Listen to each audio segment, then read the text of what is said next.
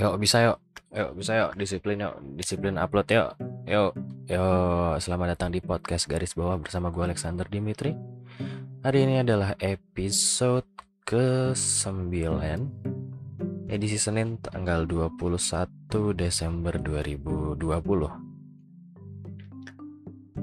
Ya sebelumnya gue udah upload kemarin sih. Kemarin gue udah upload. Jadi kemarin gue udah bikin podcast, tapi gue masih punya bahan kok untuk dibahas hari ini. Jadi di episode kali ini gue mau membahas tentang di Twitter kemarin gue lihat ada sebuah tweet. Sebuah tweet itu isinya adalah foto screen capture dari Instagramnya Coki Pardede yang dia bikin Coki Pardede bikin foto di mana di sebuah layar ada foto anak-anak Afrika yang kurus kering.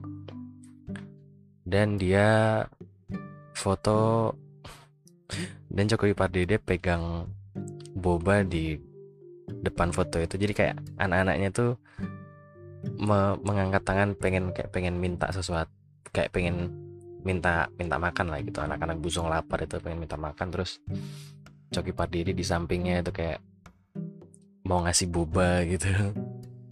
Ya yeah, it's kinda dark. Habis itu captionnya di twitter di tweet itu adalah empati sekarang harganya mahal ya gitu. Dan terjadilah backlash. Backlashnya itu adalah antara orang-orang yang bilang bercandaan itu oke-oke aja dan orang-orang yang bilang bahwa bercandaan itu tasteless atau nggak manusiawi dan sebagainya nggak nggak bermoral. Gimana menurut gue sebagai seorang praktisi dark jokes yang sudah praktisi dark jokes. Sebagai orang yang penyuka dark jokes gue sih bilang kalau jokes itu ya fine fine aja.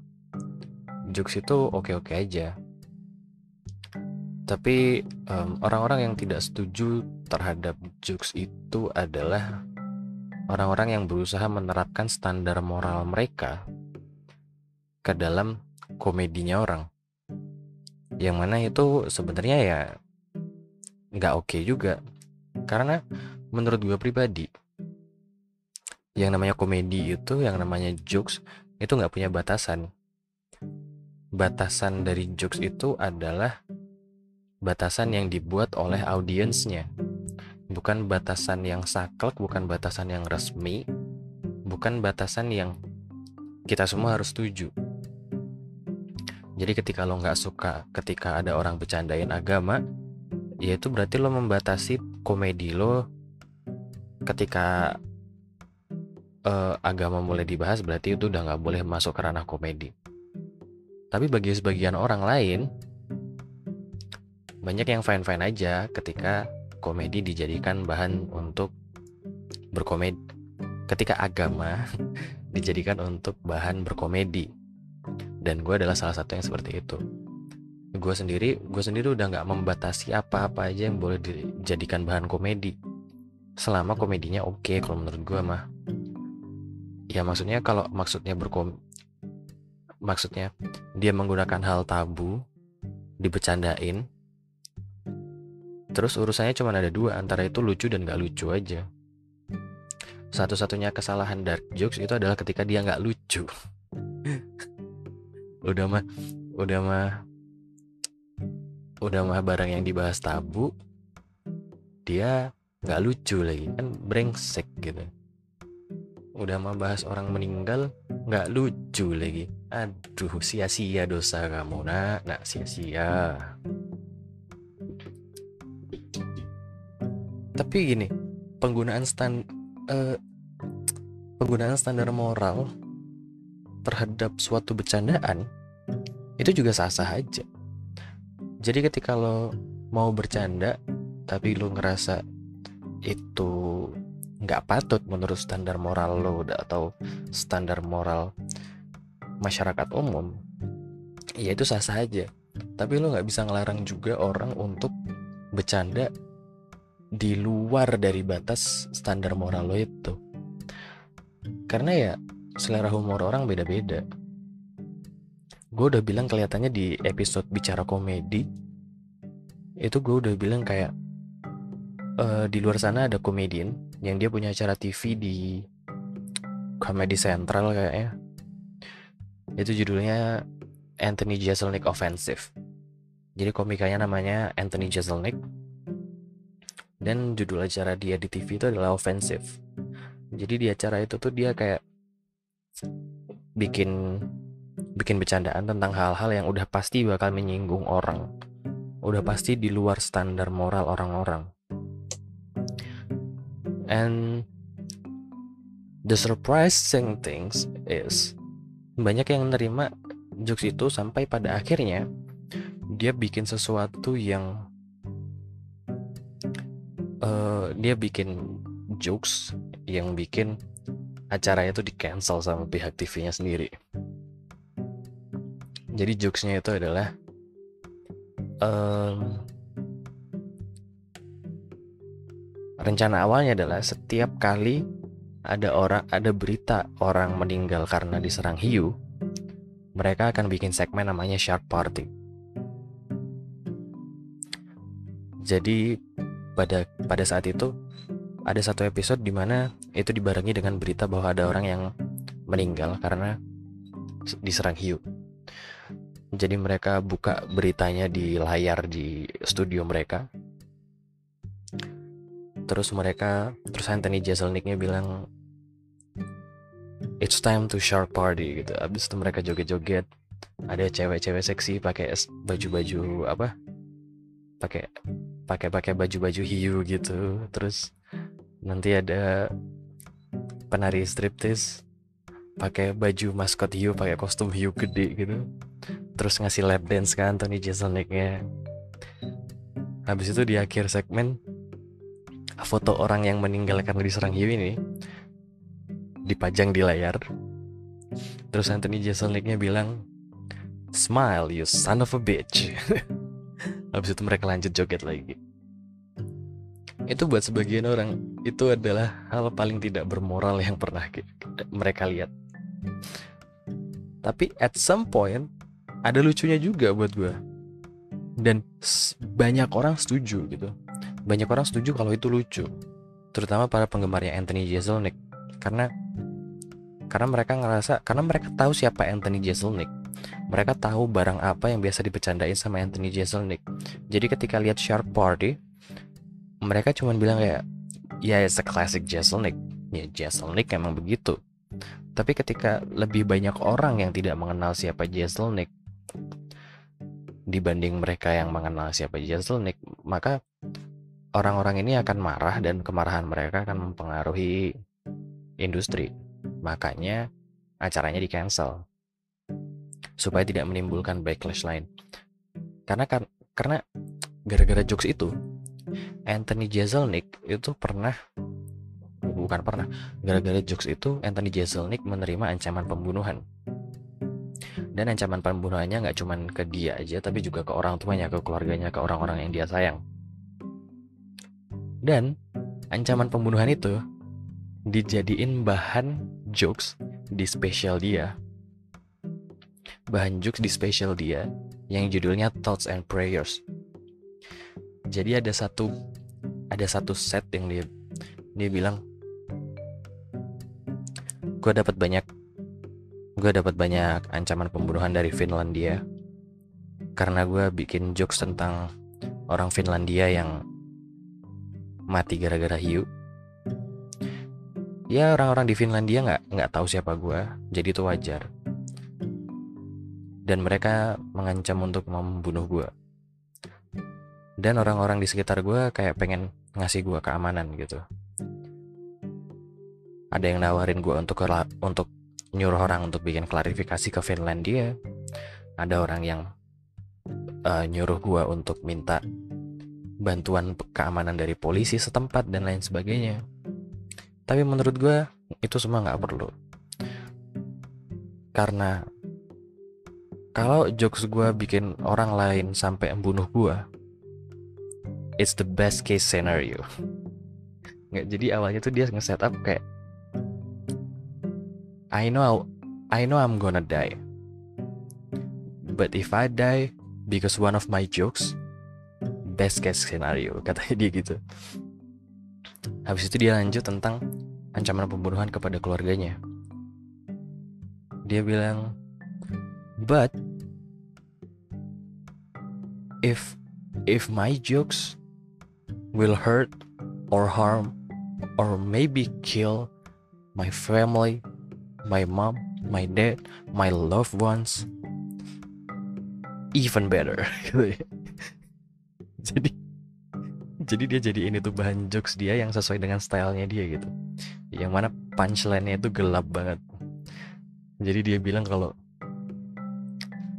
dia dia nge-set up seakan-akan dia bakal marah kalau keluarganya disenggol. Tapi punchline-nya ternyata dia malah lebih senang lagi.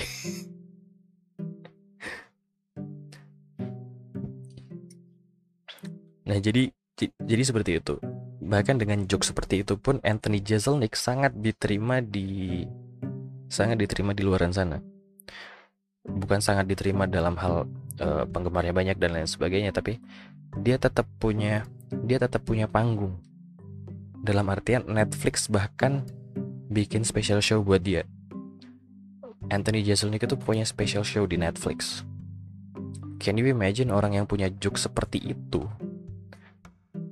uh, punya special di Netflix? Yang mana ketika komedian punya special di Netflix, itu berarti itu berarti mereka bakal dapat duit yang bukan nggak yang nggak main-main. berbeda dengan di Indonesia uh, dark jokes ini masih kurang bisa diterima dalam artian eh, orang-orang masih belum orang-orang masih belum nemu uh, di lucunya dark jokes. Karena mereka lebih mengedepankan empati ketika bercanda. Yang mana it's all fine juga tapi ketika ketika batasan yang mereka pakai buat diri mereka itu mereka mereka kasih ke orang lain dan mereka paksakan ke orang lain that's where the problem happens. Kita ambil contoh lagi ke Anthony Jeselnik. Untuk orang-orang yang emang gak suka sama jokesnya Anthony Jeselnik they just fuck off. Mereka cuma pergi gitu aja. Tiap kali lihat ada kontennya Jeselnik they just scroll up. Mereka nggak mereka nggak peduli apa yang apa yang bakal diomongin Jeselnik karena mereka tahu Jeselnik siapa, apa aja jokesnya Jeselnik. Yang terjadi di Indonesia adalah lu udah tahu Jokowi Pardede jokesnya itu kayak gitu, tapi lu masih tetap ngurusin. Maksud gue ngapain ngap ngapain juga lu ngurusin seorang public figure yang udah jelas frekuensinya nggak sama sama lo, yang udah jelas referensi hidupnya nggak sama dengan lo, yang udah jelas standar moral dalam berkomedinya beda sama lo. Isn't, that fucking bullshit? Kayak menurut gue ya, menurut gue gue nggak terlalu suka, gue nggak nggak terlalu ngefans sama komedian-komedian di Indonesia. Mungkin ada beberapa yang gue suka komedinya, tapi ad, tapi ada juga beberapa yang gue nggak terlalu suka komedinya. Kayak gue mau sebut nama tapi nggak enak. Jadi uh, apa yang gue lakukan ketika gue lihat konten-konten orang yang komedian-komedian yang gue nggak suka komedinya ya gue cuma scroll aja gitu. Karena gue tahu seperti apa komedi mereka dan gue tahu nggak bakal cocok sama gue ya gue scroll aja. Entah itu nggak sesuai sama standar moral gue entah itu cuman ya menurut gue nggak lucu aja mereka biasa bikin konten gak lucu jadi tertanam di kepala gue kalau mereka nggak lucu ya udah gue scroll aja. Seharusnya menurut gue itu juga yang terjadi kepada Shoki Pardede. Orang-orang yang gak menganggap jokes dia lucu orang-orang yang gak menganggap bahwa jokes dia sesuai dengan standar moral mereka ya scroll aja. Lanjut scroll aja lanjutkan hidup lo dengan damai. Ngapain lo protes segala macam dan ditambah lagi uniknya adalah Coki Pardede itu udah lenyap dari Twitter udah kayak setahun. Udah hampir setahun. Semenjak kasus banjir Jakarta yang dia bikin tweet dia ngejuk tentang banjir Jakarta itu. Dia udah di ban dari Twitter. Bukan di ban sih akunnya disuspend sama Twitter. Dan dia udah nggak di Twitter lagi. Jadi dia main di Instagram dia udah main bersama dia udah main udah bercandaan dark jokes bareng sama follower-follower dia di Instagram. Orang-orang di Twitter masih pengen ikut campur. Nge-capture jokesnya dia masukin lagi ke Twitter supaya orang-orang di Twitter nanti nyerang dia di Instagram. Bukannya itu hal yang goblok banget ya? Dia udah nggak ada di platform lo dia udah nggak ada di platform itu. Dia udah nyingkir dia udah minggir. Dia udah main sama orang-orang yang udah jelas satu frekuensi sama dia. Dia udah main sama follower-follower dia aja. Tapi tiba-tiba lu cepuin dia lu cepuin dia ke platform sebelah yang mana udah jelas isinya orang-orang yang nggak suka sama dia semua. Dan nyuruh orang-orang itu nyuruh orang-orang yang nggak suka sama dia itu buat nyerang dia balik waktu dia udah nongkrong enak-enak. Itu kan tolol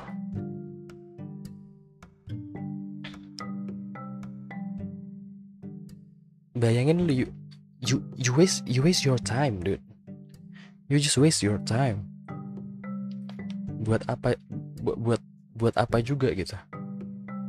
Lo ngelakuin itu lo nyerang segala macam itu nggak akan ngerubah coki juga. Karena emang humor itu selera humor itu nggak bisa diubah. Kecuali ada beberapa hal ya mungkin kayak mungkin dapat dapat sesuatu atau mungkin akhirnya kepikiran sesuatu jadi dia nggak mau ngejuk tentang itu lagi. Ya tapi cara seperti itu cara dengan cara dengan oppression cara cara dengan um, ngata-ngatain menghujat dan lain sebagainya itu nggak akan ngubah jokes dia juga. Dia harus mengalami sesuatu untuk berhenti ngejokes tentang sesuatu yang lo nggak pengen dia ngejokes kayak misalnya live streamer di live streamer di Twitch XQC dia lumayan populer di Twitch. Dia dulunya waktu di puncak-puncaknya dia dia suka pakai kata retard atau orang-orang bilang R word. Karena itu nggak udah nggak populer lagi untuk digunakan karena berbagai alasan political correctness ketika dia berhenti itu audiens dia sadar kenapa dia udah jarang pakai R word lagi. Kenapa dia udah jarang menggunakan kata-kata itu lagi dan mereka nanya kenapa lu udah jarang pakai kata itu lagi? Terus dia bilang gue suatu hari ke restoran di dia tinggal di Kanada gitu di Quebec. Kelihatannya sih di Quebec seingat gue di Quebec. Gue suatu hari ke restoran dan gue lihat ada seorang anak dengan keterbelakangan mental yang pakai jersey gue dan itu jersey yang udah lama banget. Maksudnya jersey itu tuh jersey yang udah jersey jersey dia waktu masih jadi professional player di Overwatch yang mana itu udah lama banget. Dan akhirnya um, ternyata si anak itu notice orang tuanya notice dan minta foto katanya. Anak dengan keterbelakangan mental ini sangat sangat ngefans sama XQC dan akhirnya dia bilang kalau dia ngerasa kayak bayangin gak sih kalau dia lagi nonton dengan excited terus gue ngucapin kata itu yang mana yang mana gue nggak tahu dia bakal nerima itu nerima kata itu dengan baik atau enggak siapa tahu aja dia tersinggung ketika gue ngucapin itu jadi gue berhenti untuk bilang itu. Eksekusi bilang seperti itu. Nah jadi untuk untuk mengubah untuk untuk seseorang bisa berubah dari uh, dari selera, selera dark joke seseorang bisa berubah itu harus itu harus ada sesuatu ada suatu pengalaman pribadi gitu. Nggak nggak bisa nggak bisa gara-gara orang gara-gara orang nggak suka semata-mata karena orang nggak suka. Lo jadi orang jadi bakal berubah selera dark jokesnya.